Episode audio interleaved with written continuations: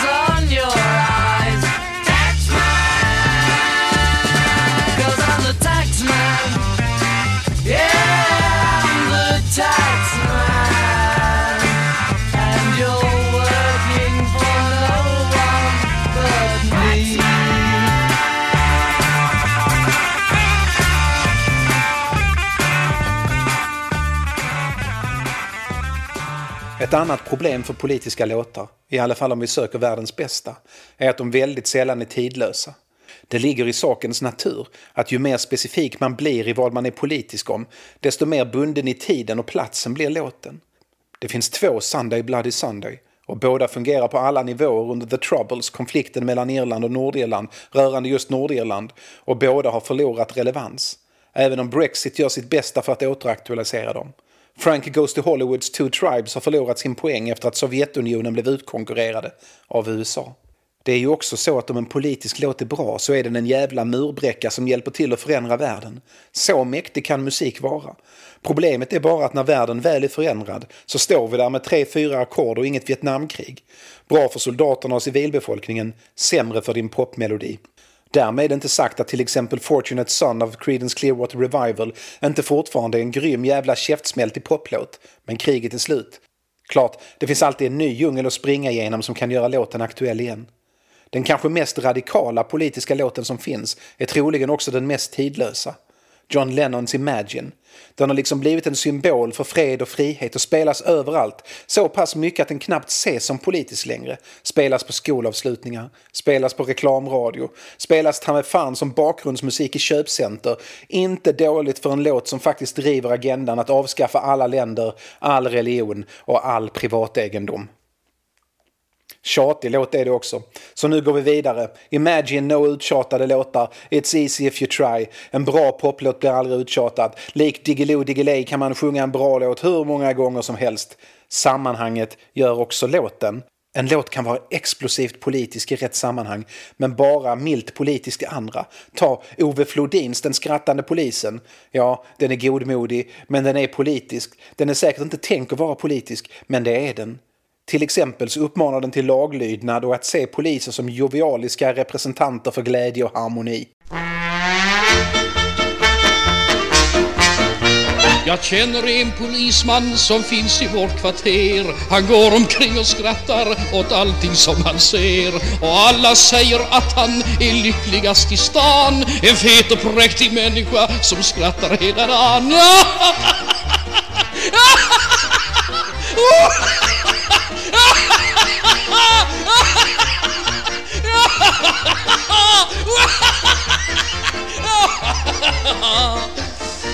Men det är ju inte enda sättet att i popmusik beskriva poliser. NWA hade något annan vinkel. Fuck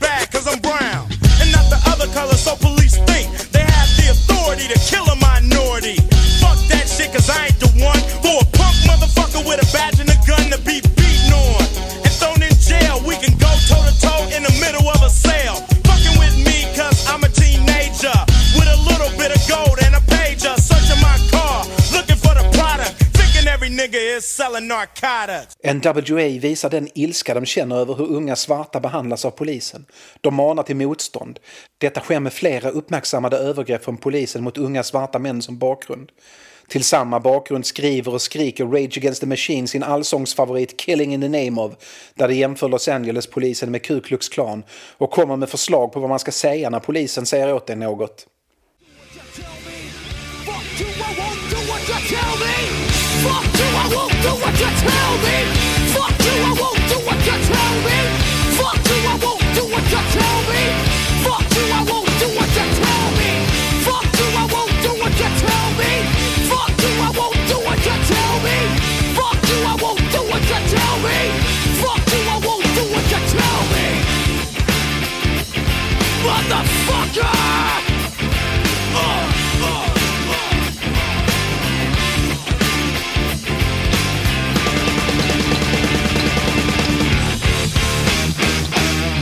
Om vi sätter samman de tre låtarna samtidigt som vi tänker på hur batongslagen haglar mot svarta kroppar tar Flodins låt en väldigt politisk skepnad och en påfallande mörkare ton.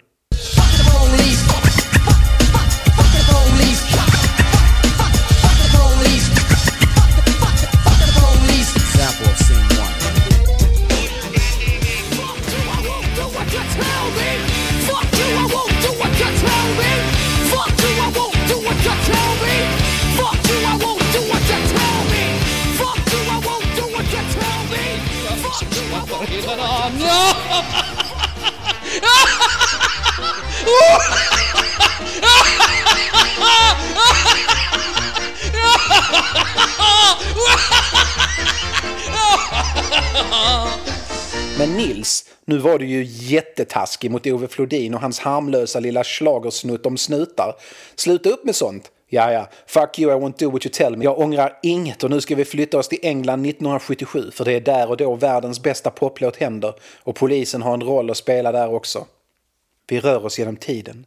Det som är nu nu är då nu, eftersom vad som är nu flyttas. Vi rör oss längs tiden. Och om vi tänker oss tiden som en axel i ett diagram så är vi funktioner på den. Vi rör oss. Men om vi sätter en punkt, var som helst på axeln, längs vår rörelse så representerar den punkten ett ögonblick i våra liv. Och det som finns i det ögonblicket kommer alltid finnas i det ögonblicket. Och i det ögonblicket är det bara det som är sant om världen där och då som är sant om världen. Du kommer alltid ha ätit den där mackan i måndags. Det är en evig sanning om dig. Det du röstade på i förra valet. En evig sanning. Även om du byter parti till nästa val. Allt du gör är för alltid sant om dig. Ta vara på dina ögonblick, för du kan inte ändra dem.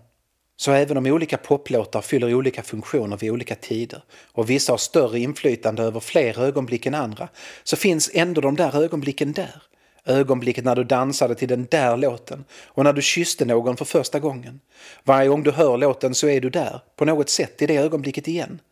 Om vi sätter ner pennan på tidsaxeln den 27 oktober 1977 så är världens bästa poplåt något som verkar så banalt som en enkel treackordig i rockhistoria om att åka bil och lyssna på radio mitt i natten.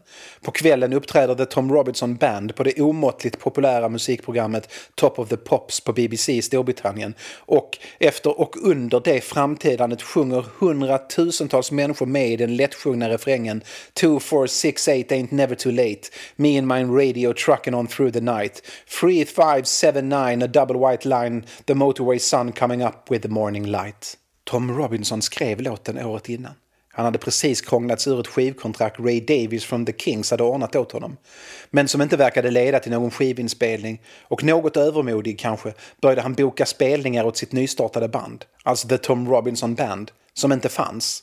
Men sånt var liksom inget problem i Londons gryende punkrörelse. Robinson rekryterar medmusikanter efterhand. Låtarna får musikerna lära sig samma dag som konserterna, ibland bara timmar innan. Därför var Robinson tvungen att skriva enkla låtar och mycket enklare än 2468 Motorway blir det inte. Som enda nästan permanenta medlem i bandet hade Robinson med sig Danny Custo, en vän sedan de tillbringat tid på en ungdomspsykiatrisk skola ihop som spelade gitarr. Custos gitarrism kommer ta Robinsons låtar till fantastiska nivåer. Det är verkligen synd att han inte gjort något särskilt mycket utanför Tom Robinson Band. Tydligen led han av svår OCD och isolerade sig från resten av mänskligheten. Han dog 2019. Robinson var på uppfostrande skola för att han var homosexuell, eller gay som han sa då, och queer som han säger nu.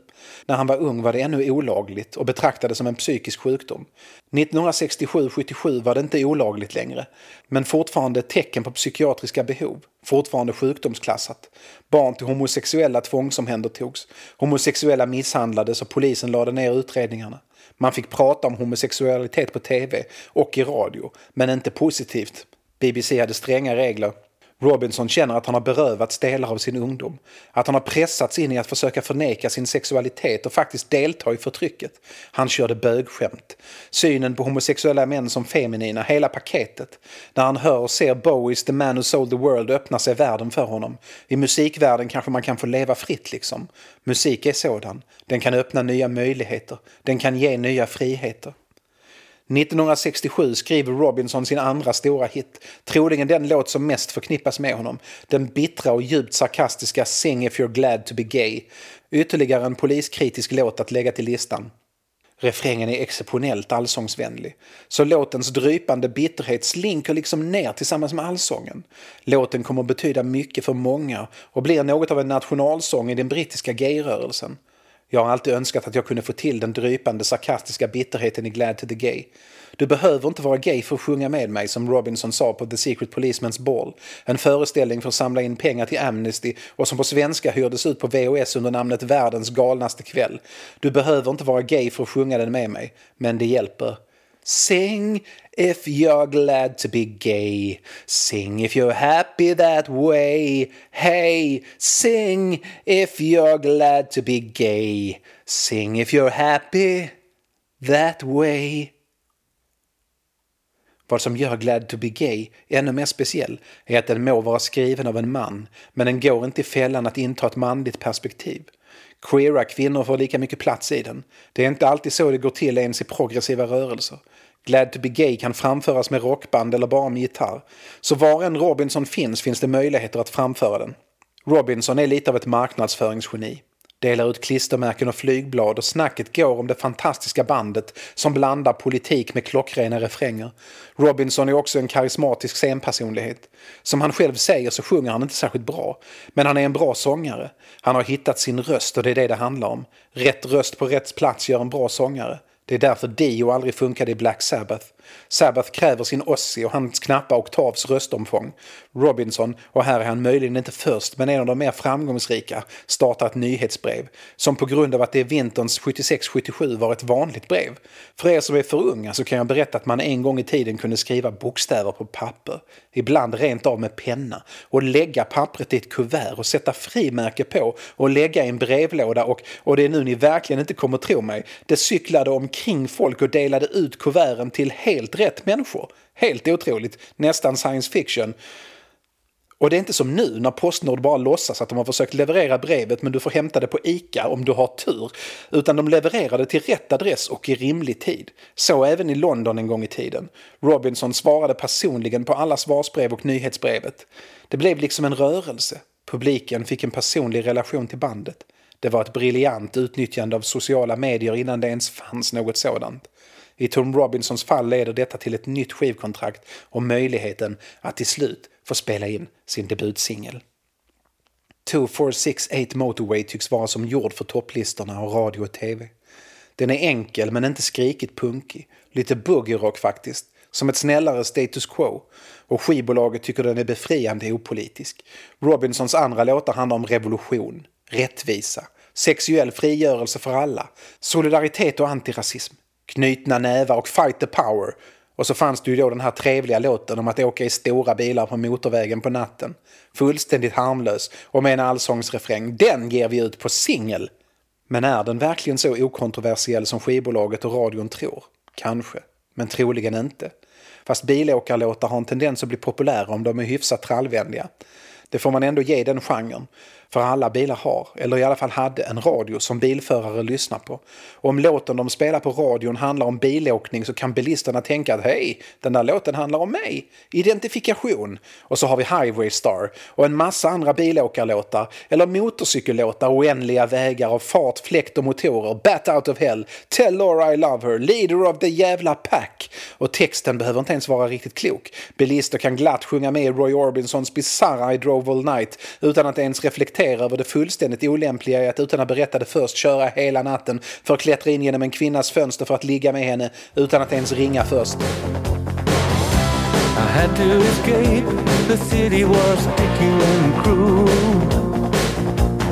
Maybe I should have called you first but I was dying to get to you. I was dreaming while I drove the long straight road ahead. Uh-huh, yeah. Your sweet kisses, your arms open wide. This fever for you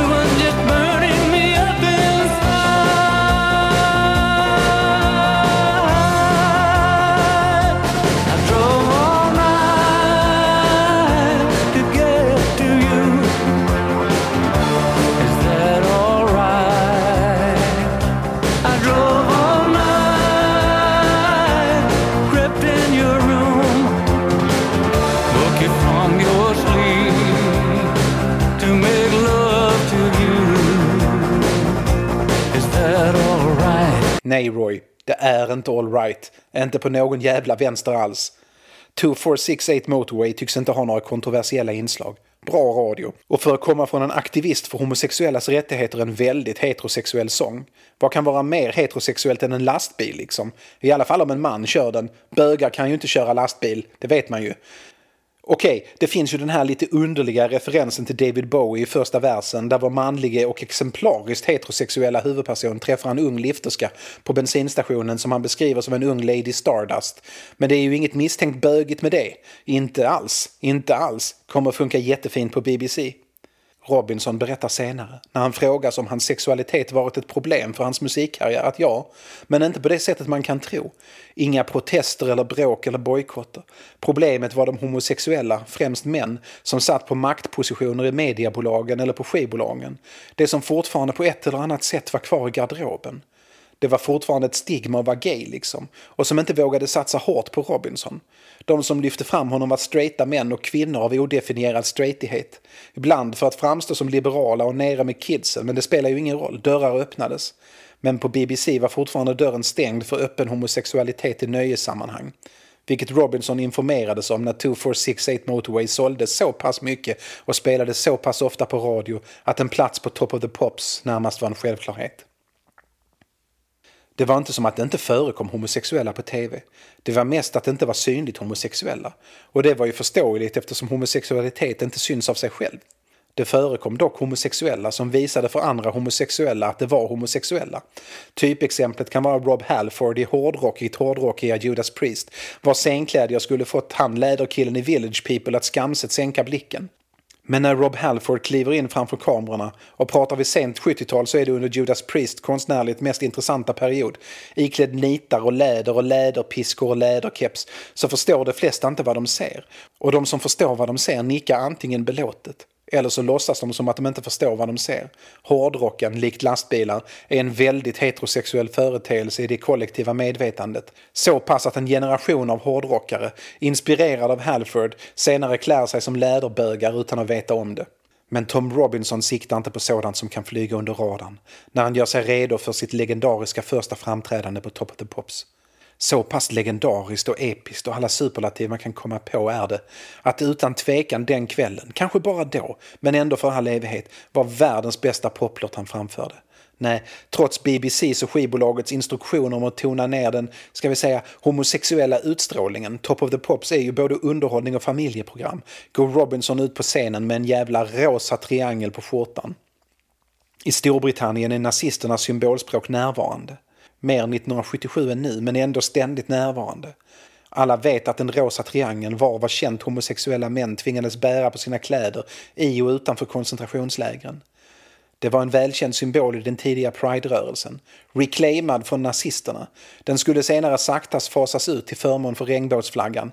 Men 1977 var den ett tydligt sätt att säga hej, jag är bög, när Robinson går upp med sin basgitarr och tittar in i kameran. En Danny Castro med attityd för fem börjar spela gitarriffet och magin är fullständig. Man kan nästan ta på glädjen. Killarna kan inte riktigt tro att de är där, på Top of the Pops, framför mångmiljonpublik. De tittar på varandra. De kan inte låta bli att le. Tom sjunger om att glida in på macken, hur stora bilar kör förbi, om Little Lady Stardust som liftar och sen refrängen 2468 ain't never too late, me and my radio trucking on through the night. Publiken sjunger med. I studion och framför tvn och senare på pubbar och på fotbollsmatcherna och överallt. Fullt med testosteron och glädje. Bilar, motorväg, inget subversivt homosexuellt trams. Eller? Ja. Tom har lånat refrängen från en ramsa som brukades sjungas på Pride-demonstrationerna. I London gick det att demonstrera för homosexuellas rättigheter. Det gick inte ute på landet. Homosexuella blev misshandlade, mördade. I London 1977 kunde man demonstrera. Men nationalisterna och de konservativa motdemonstrerade. Våldet var nära. Det var farligt att vara stolt homosexuell. 2468, gay is twice as good as straight. 3579, lesbians are mighty fine. Och nu får Robinson leda hela England och sjunga med. I alla fall i siffrorna. Och alla som vet vet. Alla som vet vet att mannen med den rosa triangeln på skjortan får hela landet att sjunga de kampord som används för att strida för frihet. Man kan inte nog understryka hur betydelsefullt det är för de som inte känner sig tveklöst heterosexuella och som ser framträdandet. Precis som Robinson frigjordes av David Bowie når Robinson ut genom tv-apparaterna. Revolutionen är här. Och den sändes på tv. Det här är under punken. Punken är rebellisk, mot makten. Punkmusiken var ofta politisk, ville förändra samhället. Och visst, Tom Robinson Band kom fram under punkrörelsen men musiken var traditionell. Men kanske ändå att 2468 på Top of the Pops var det mest revolutionära ögonblicket under punken. Just för att låten så otroligt smart är så extremt heterosexuell på ytan men samtidigt så enande, upplyftande och normkrossande under till. Andra versen. Här fylls Robinson med mer mod. Lastbilschauffören ser en ung man på en motorcykel, säger att han tar sikte på honom, bjuder in honom i lastbilen där ingen kan se vad som är rätt eller fel. Skulle kunna vara hur heterosexuellt som helst. Robinson ler och blinkar mot kameran och mot dem där ute som förstår. Och där börjar nog ännu fler förstå ute i stugorna. Fast nu har de ju redan börjat sjunga med och snart är refrängen där igen och 2, 4, 6, ain't they never too late. Och kanske, bara kanske, är det nu många förstår att homosexuella inte är av någon annan slags människa, någon annan art. Och det finns inget väsensskilt mellan riktiga män och bögar. Alla gillar motorer och oändliga motorvägar och boogierock och allsångsrefränger 3, 5, 7, 9, me and my radio trucking on through the night. Två briljanta gitarrsolon och senare slutar låten och Robinson konstaterar att även om ingen vet vart motorvägen leder så kommer han fortsätta köra på den tills han kommer hem. Inga ursäkter, ingen ska berätta för honom eller någon annan hur han ska köra eller hur han ska leva. Genombrottet blir fullständigt och låten blir för många soundtracket till livet under hösten 1977 och våren 1978. Tom Robinson Band spelar in en LP som säljer kopiösa mängder. Robinson medger senare att det var sällsynt dumt av dem att inte ta med de två singlarna, 2468 Motorway och Glad to be gay på den. Men de ville inte lura skivköparna att köpa samma låtar två gånger. Och eftersom de är Tom Robinson Band skriver de ut sin adress på skivomslaget och lovar att svara på alla brev. Och många brev blev det. För att få en liten aning om exakt hur populära Tom Robinson Band var så kan man tänka att något år senare när The Clash var som allra störst och de anses ju allmänt vara det största punkbandet av punkens poporkestrar så var de ändå förband till Tom Robinson Band. När det blir dags för andra skivan påpekar trummisen Dolphin Taylor att de ju inte har några låtar så han slutar i bandet bara för att ångra sig dagen efter men då är han inte välkommen tillbaks. Robinson säger nu att Taylor hade rätt om han bara lagt i alla fall hälften så mycket tid på att skriva låtar som han la på att svara på brev hade andra och sista skulle det visa sig skivan nog ha blivit bättre. Den andra skivan producerades av Todd Rundgren som just blivit internationellt megakänd producent efter att ha gjort Jim Steinmans Bat Out of Hell. Men Rundgren tycks inte förstå brittisk protestrock. Enda låten från TRB2 som skivan heter, som en snuddar vid topplistorna är Bully for you som Robinson skrev tillsammans med Peter Gabriel. En okej okay låt, men som numera är mest intressant för refrängen. Mässandet “We don't need no aggravation” spelades in medan Pink Floyds Roger Waters hängde i studion när de spelade in The Wall. Låtstöld? Inte riktigt tycker jag. Och Robinson själv tycker att det inte spelar någon roll eftersom Roger Waters ändå är en mycket bättre låtskrivare än vad Robinson är och att Another Brick in the Wall Part 2, en annan mycket opunkig politisk hit under punkåren, är en överlägsen låt. Bandet dör ut, men Robinson består. Först som soloartist, sen nya band, en halvhjärtad återförening, nya soloäventyr, men framförallt blir Robinson en av de mer populära radiopratarna på BBC Six, stationen för ny och alternativ musik. Där jobbar han än idag och är värd att lyssna på, om ni får chansen. Och det var det. Nu drar vi ut på motorvägen. Nu knyter vi nävarna och sjunger tillsammans. Nu kör vi längs vägen utan att veta vart den leder. För det är ju det som är själva livet. Eller vi vet att det slutar med döden, men det spelar ju ingen roll så länge vi reser med popmusik på högsta volym. Och vänner, medan vi reser så älskar vi vem vi vill, när vi vill. Och om vi ska göra det tillsammans med någon annan än oss själva så är vi inte som Roy Orbison, utan vi försäkrar oss om samtycke först. Mot motorvägssolen i gryningen. Spela gitarren Danny, var du än är nu. 15 and making their debut on this week's Top of the Fox comes the Tom Robinson Band, the band I predict big things for in 1978. Their debut single, 2468. On away!